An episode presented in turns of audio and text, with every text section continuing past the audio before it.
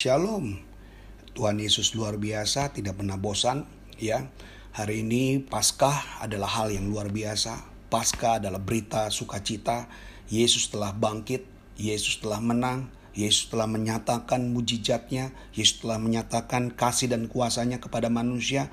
Tentunya saudara dan saya berbangga, ya. Hari ini saya boleh menyampaikan tentang jalan salib. Bagaimana jalan salib yang Tuhan lakukan, semua dia lakukan karena dia mengasihi saudara. Lagi-lagi kan dia mengasihi saudara. Kalau bukan kasihnya, saudara tidak akan pernah punya arti apa-apa dalam hidup ini. Kebangkitannya menginginkan saudara maju selangkah. Kebangkitannya menginginkan saudara untuk lebih maju dan berbeda. Dan kebangkitannya akan membuat saudara sebagai saksi-saksi yang luar biasa. Saudara, kita tidak akan pernah menyanyiakan kebangkitan Tuhan Allah kita yang mana kita lihat Tuhan kita membuktikan dia benar-benar bangkit. Dan kita tidak percaya dengan Tuhan yang tidak bangkit tapi kita percaya kepada Tuhan yang bangkit. Dan apa balas kita? Apa laku kita? Apa kerja kita? Apa bagian kita? Kalau kita sudah mengalami bahwa Yesus itu telah bangkit. Nah mari kita baca di dalam Galatia pasal 6 ayat 13 dan 16 sebab mereka yang menyunatkan diri pun tidak memelihara hukum Taurat tetapi mereka mengendaki supaya kamu menyunatkan diri agar mereka dapat bermegah atas keadaanmu secara lahiriah. Dan semua orang yang memberi dirinya dipimpin oleh patokan ini, turunlah kiranya damai sejahtera dan rahmat atas mereka dan atas Israel milik Allah. Jadi memang uh, kita ada pilihan ya.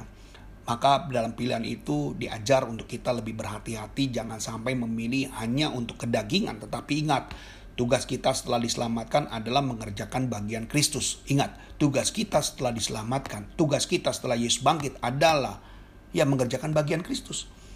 Bagian Kristus harus lebih besar. Bagian Kristus harus lebih teratasi, ya. Jadi jangan sampai saudara saat ini sebagai orang yang sudah diselamatkan Tuhan justru bukannya maju tapi melempem. Banyak orang-orang kisah yang melempem yang sudah suka dengan zona nyamannya menjadi jemaat-jemaat saja terus ya tidak salah jadi jemaat tetapi saudara harus ingat. Bagaimana cara kita bisa membalas kebaikan Tuhan? Jadilah orang-orang yang melibatkan diri dalam penginjilan. Libatkan diri. Kemampuan saudara ada mungkin dekat dengan kita yaitu sebuah handphone. Waktu saudara ingin menjadi pelayan Tuhan, menjadi penginjil, saudara bisa membagikan ayat-ayat firman Tuhan. Saudara bisa bagikan share podcast ini untuk jadi berkat bagi orang lain, saudara-saudara kita yang sangat dekat dengan kita. Ya, ini akan lebih mudah saudara akan mengetahui apa yang sudah kerjakan itu akan berdampak. Siapa tahu, ya, saya yakin bahwa ketika saudara menyampaikan Injil, banyak orang yang diberkati, banyak orang yang akhirnya mau terima Yesus. Ingat, nggak ada yang namanya sia-sia pengerjaan atau pekerjaan roh di dalam kehidupan sebagai orang percaya. Nah, kembali lagi, apa arti jalan salib? Jalan salib adalah bicara tentang kerendahan hati, bukan kesombongan. Ya, kerendahan hati. Kita bandingkan bagaimana pencapaian pelayan orang lain yang hanya menggunakan statistik sebagai tolak ukur, jumlah sebagai tolak ukur. Bila fokus hanya kepada pertumbuhan dan jumlah, maka kita akan cenderung akhirnya memakai jalan cara-cara yang bertentangan dengan apa yang menjadi keinginan Tuhan. Bertentangan dengan jalan salib. Saudara bukan hanya karena jumlah, tetapi bagaimana tadi saya katakan, ada orang yang tersentuh karena firman Tuhan. Lalu dia memberikan nasihat kepada yang lainnya. Bukankah itu ada suatu kemenangan?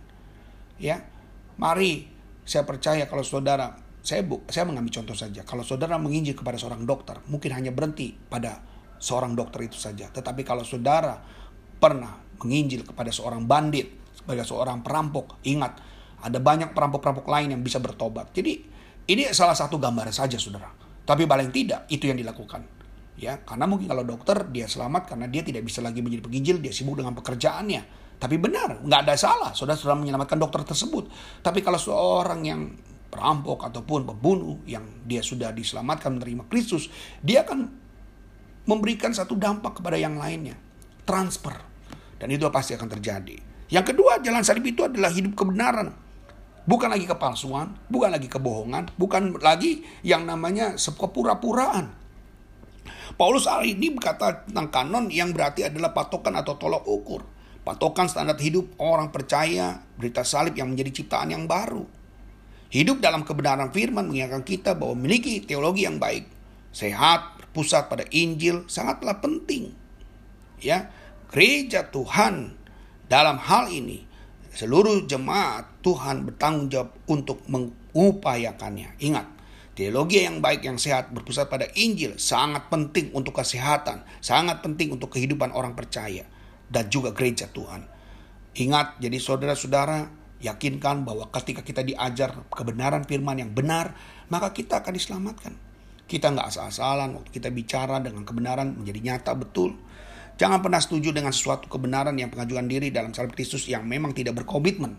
Tapi saudara percayalah, setujulah kepada semua yang dilakukan dengan komitmen yang berpusat pada Kristus dan salib Kristus akan menjadi kehidupan dalam kedamaian itu yang selalu saudara cari.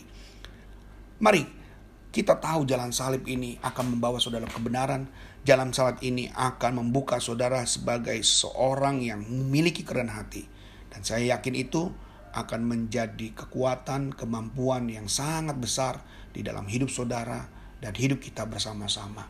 Saudara-saudara lakukan, biarlah pasca ini akan menjadi satu jangkauan untuk saudara memulai sesuatu pekerjaan Tuhan yang baik. Jangan pernah bosan, terus lakukan kebenaran firman Allah, kerjakan firman Allah, biarlah itu yang menjadi satu motivasi buat hidup saudara dan saya. Kiranya Tuhan Yesus memberkati buat kita semuanya dan lakukan selalu menjadi pekerjaan Tuhan yang mulia dan saudara menjadi orang-orang yang ada di dalam pekerjaan Tuhan itu. Tuhan Yesus memberkati. Shalom. Haleluya.